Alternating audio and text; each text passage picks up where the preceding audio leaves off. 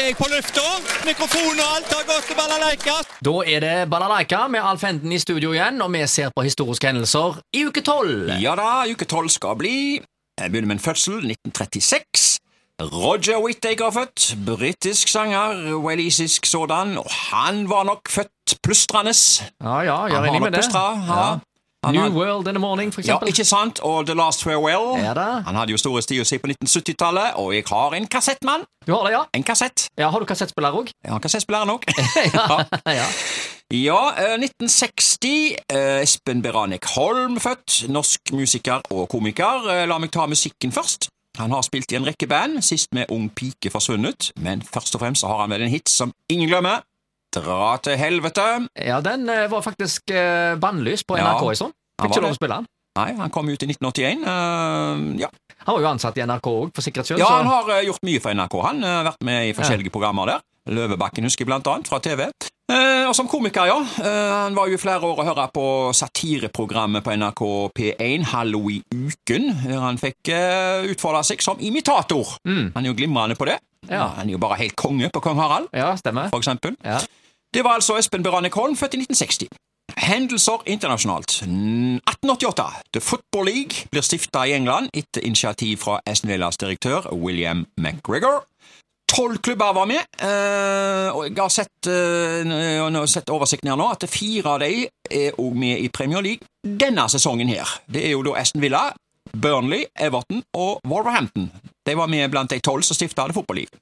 Og så eh, 1960. Arthur Leonard Scolo og Charles Tones tar patent på den første laseren. Så går vi til hendelser lokalt i uke tolv, og da begynner vi med kino. 1982 på Edda gikk filmen Trouble og Co., eh, voksenfilm med Tony Curtis. Så gikk filmen Lady Chatterleys elsker, det var jo berømte boka, det. Uh, ja, uh, Voksenfilm med 18-årsgrensa der. Uh, det var jo en erotisk klassiker, dette, da. En erotisk klassiker, Ja, faktisk. ja, ja. Lady Ok. Chatterleys elsker. Ja visst, Ja, ja visst. Og så uh, en film med Charles Bronson, da vet vi det er action, Ja da. med Døden i hælene. Tipper han overlevde. Tipper Ja. han var han som hadde død, Døden i hælene, tror jeg. Han var jo eh, faktisk godt voksen den gangen òg, han. Og han ble actionhelt, så det er jo eh, sprekt. Ja. Og så gikk filmen uh, Leve sitt liv. Det var en norsk film da, av Wam og Vennerød, med Wenche Foss faktisk i uh, hovedrollen der. Det var Ja. 1982, altså. Og så skal vi gå litt tilbake til 1961. Totalen moderniseres. Haugesunds Avis skrev eh, Totalen restaurant modernisert. En kan trygt si at hele restauranten har fått et mer intimt preg og er blitt enda triveligere enn før. Totalen er jo en av de aller eldste nåværende kafeer i Haugesund, eh, og den aller mest tradisjonsrike.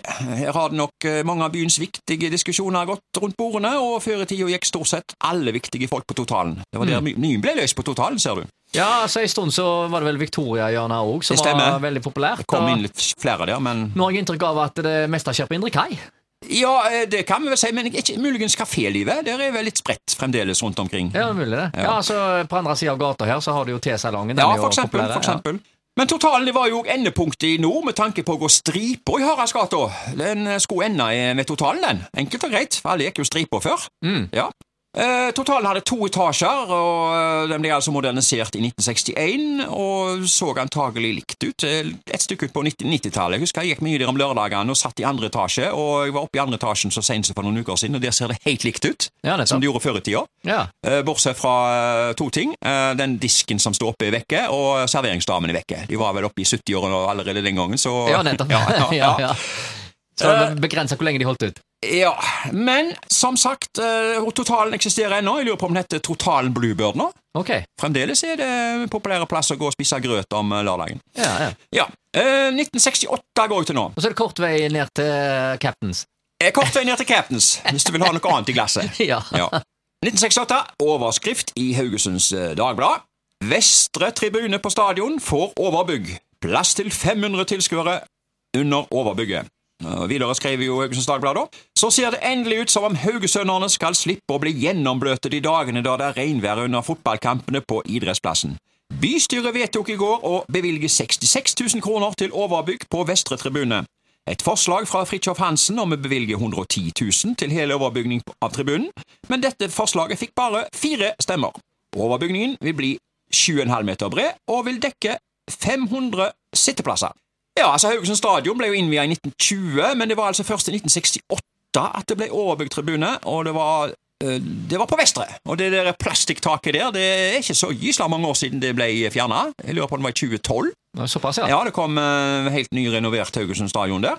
Og denne tribunen eh, den hadde sine faste tribuneslitere, for å si det mildt. Det var liksom sånn at enten så satt du alltid på Østre, eller så satt du alltid på Vestre.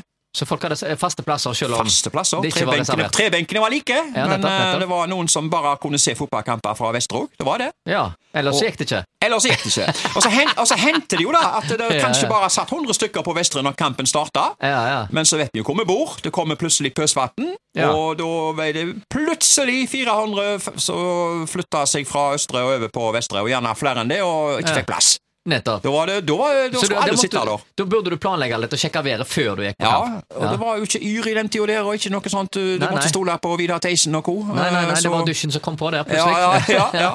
Så, eh, men den dag i dag så snakker jeg med noen som faktisk aldri har vært på andre tribuner på Haugesund stadion enn Vestre. Nei, Ja. eh, og eh, de som spiller kampen, eh, stakkars, eh, Ja. de kan ikke springe og gjemme seg under eh, tribunetaket. Nei. Jeg husker det satt en god gjeng òg, helt opp under hjørnet der på Vestre. De hadde nok, nok eh, oppi, gått opp i flaskene sine, for det ble, det ble høyere og høyere stemning etter hvert så kampen skred fram, og det var ikke resultatet på Brann. Det må være andre ting som har gjort at det, det Det ble god stemning. Ja, ja, ja. ja, ja. Ja da. Ja. Da er det bare en ting å spørre om. Ja. Jeg lerka på innerlomma på Vestre! Hot or no? Det ble veldig hot på 70-tallet, altså! Da var det hot. Det var det hot. Ja.